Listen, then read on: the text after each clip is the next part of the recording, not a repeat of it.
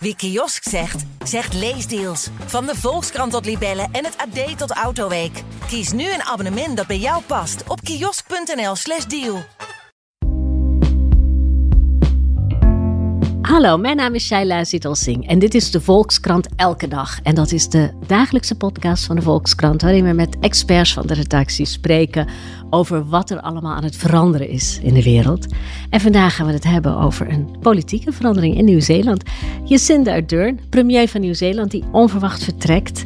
Ja, normaal zou je niet zo snel spreken over een Nieuw-Zeelandse premier, maar zij heeft het toch wel geschopt tot een wereldwijde beroemdheid, hè, Carlijne Vos? Ja, dat kun je wel stellen. Ja, ze was natuurlijk echt een rolmodel voor nieuw leiderschap. En uh, daar valt wel het een en ander over te zeggen. Ja, daar gaan we het over hebben. Carlijne Vos, jij bent redacteur op de buitenlandredactie. En aan de lijn, en nu vanuit Stockholm, heb ik Jeroen Visser, onze correspondent. Ja, wat, wat moet je zeggen? Noordelijk Europa. Dag Jeroen. Ja, de Nordics. Ja. De Nordics, ja. Maar hiervoor, jouw vorige standplaats was uh, Zuid-Korea en jij versloeg heel Zuidoost-Azië.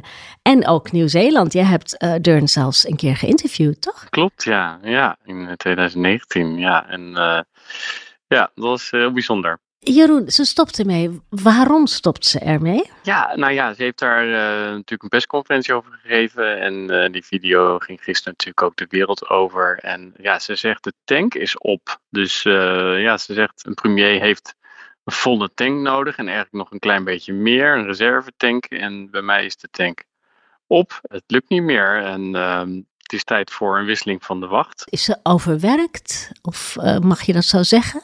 Ja, ik, nou, ik zag inderdaad een kop van de BBC dat er sprake is van een burn-out. Maar ja, dat zegt ze zelf niet in die woorden. Ze zegt gewoon de koek is op. En uh, het is natuurlijk wel zo dat ze ja, onder grote druk stond, uh, vooral het laatste jaar.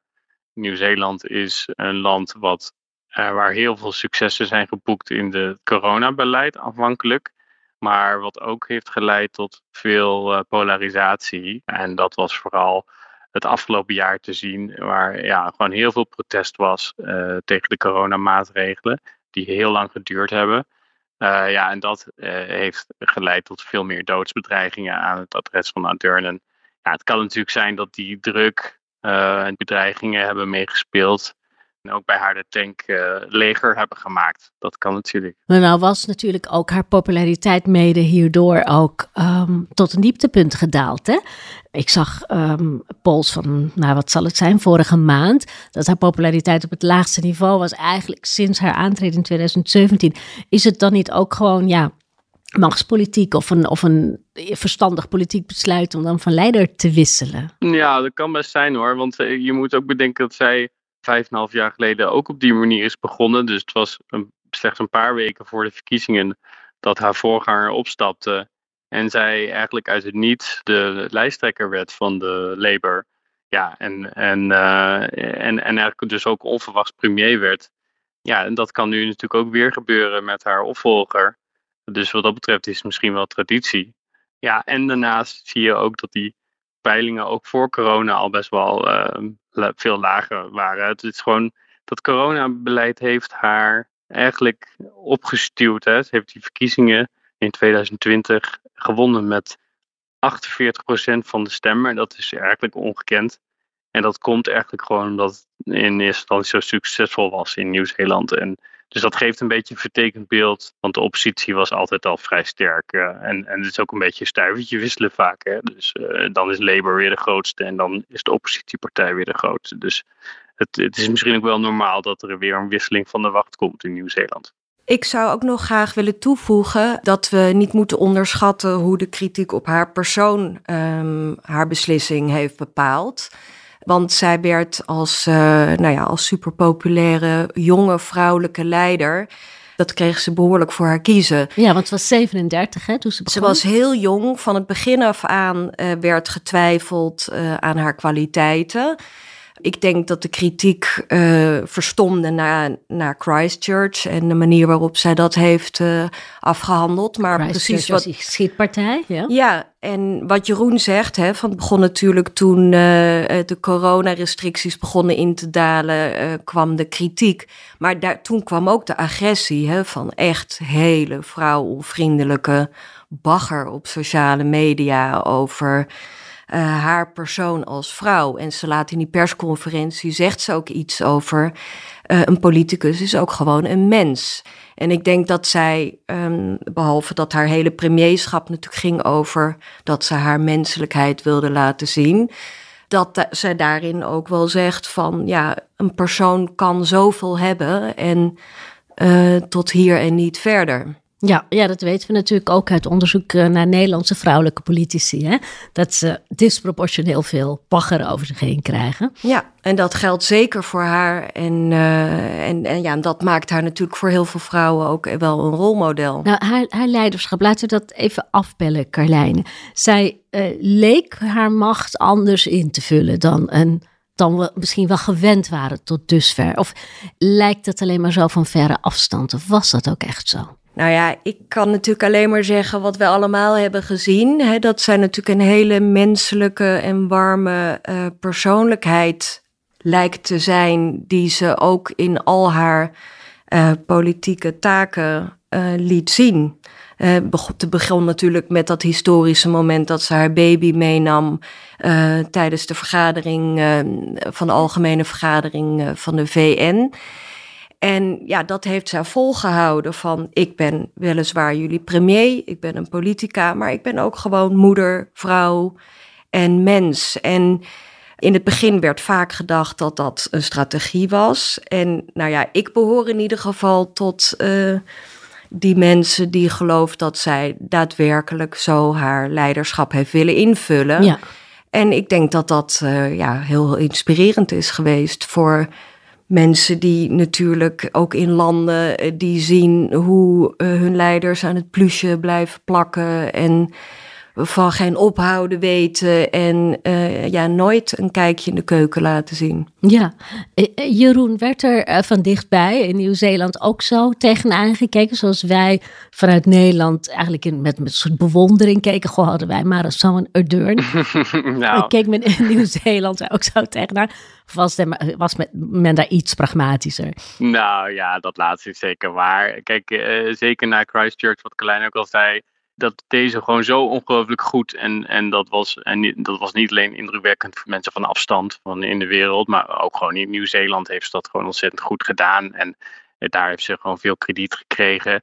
Eh, dat heeft ze trouwens later ook nog gedaan hè, toen er een vulkaanuitbarsting was uh, op White Island. Waarbij 22 doden vielen en nog zo'n crisis die ze over zich heen kreeg. Dat heeft ze ook heel goed gedaan. En corona natuurlijk ja, dat in, in de manier waarop ze mensen in Nieuw-Zeeland uitlegden wat er moest gebeuren en hoe lang het ging duren en wat de verwachting was. Uh, gewoon uh, via Facebook, live, uh, op de bank.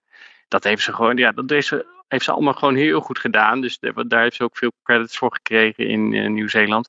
Maar dat hele rolmodel en, en dat ze toch ook wel als een soort icoon werd gezien. De anti-Trump, werd op een gegeven moment gezegd.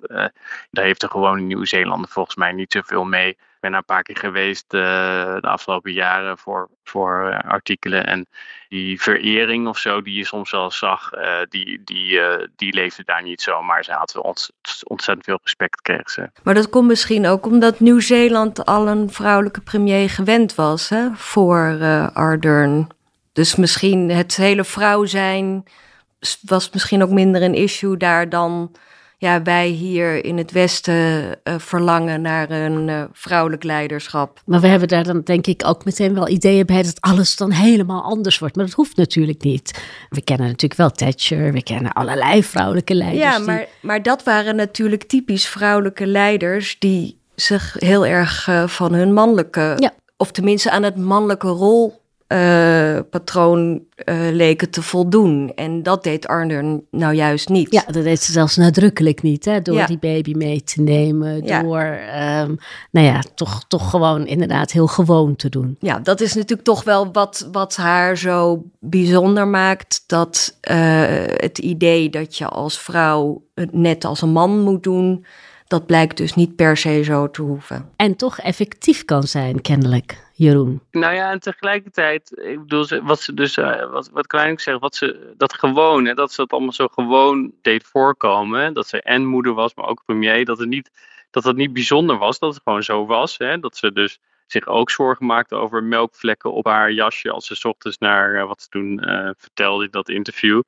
Dat was ook heel krachtig, hè, want je, ze heeft dus nooit geprobeerd om te doen alsof het extra zwaar was. Of dat het uh, voor haar moeilijker was dan voor een man. Of ze heeft nooit geprobeerd om het, om het heel bijzonder te, te doen voorkomen. En, en dat maakte het juist heel krachtig. Want ja, dat liet eigenlijk zien dat het heel normaal is. Dat het, dat het kan. Dat het, en en voor, zeker voor veel landen waar je inderdaad nog nooit een vrouw als premier hebt gehad, als leider, is dat denk ik heel inspirerend geweest. Terug naar twee bepalende momenten uit haar loopbaan. Die zijn al gevallen. De naam Christchurch is al gevallen. Dat was die aanslag. Rechtsextremistisch. 2019. 51 mensen zijn daarbij omgekomen. Grote test ook voor haar. Wat heeft ze daar nou concreet gedaan dat haar zoveel lof heeft opgeleverd? Want het heeft haar heel veel lof opgeleverd. Maar wat deed ze daar nou precies zo goed dan? Ja, dat is toch vooral echt. Het zijn natuurlijk twee dingen. Eh, ze, ze raakt precies de juiste toon. Hè? Want toen dat gebeurde, het was zo, en dit is natuurlijk op meer plekken gebeurd.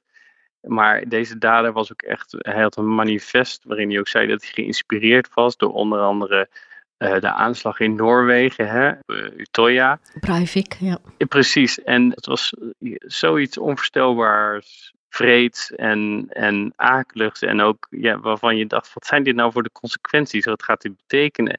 En de manier waarop zij toen reageerde, door echt naar uh, de slachtoffers en de nabestaanden te kijken en, en als eerste te zeggen, deze mensen, waarvan veel migranten die naar Nieuw-Zeeland waren gekomen om een nieuw leven op te bouwen, die probeerden deel te nemen aan de samenleving, dat zijn wij. Dat, dat, dat, eh, deze terrorist heeft door een bepaalde groep te treffen eigenlijk ons allemaal getroffen. Het, het hoort bij ons. Dit zijn, onze, dit zijn eigenlijk wij. Dat, eh, ja, dat iedereen kunnen zijn. Ja, they are us, zei ze. Ja. Precies. Ja, en dat was eigenlijk precies uh, waar zich veel mensen zich mee konden identificeren. En, wat, wat, en dat merkte je toen op straat. Want ik was daar een, een dag na de aanslag.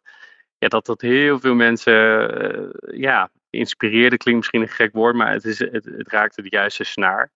Ja, en daarnaast, daar bleef het niet bij. En dat vond ik zelf ook heel krachtig. Eh, ze toonde heel veel empathie, maar ze nam ook maatregelen. En ik denk dat die combinatie was. was dus er kwam een wapenverbod.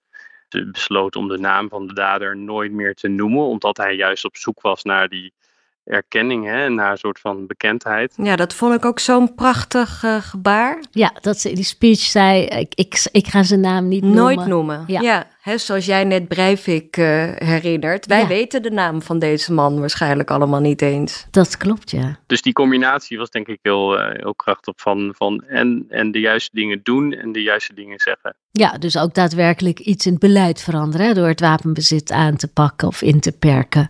Nou is een, een, een ander eh, bepalend element tijdens haar regeringsperiode, dat was de coronacrisis.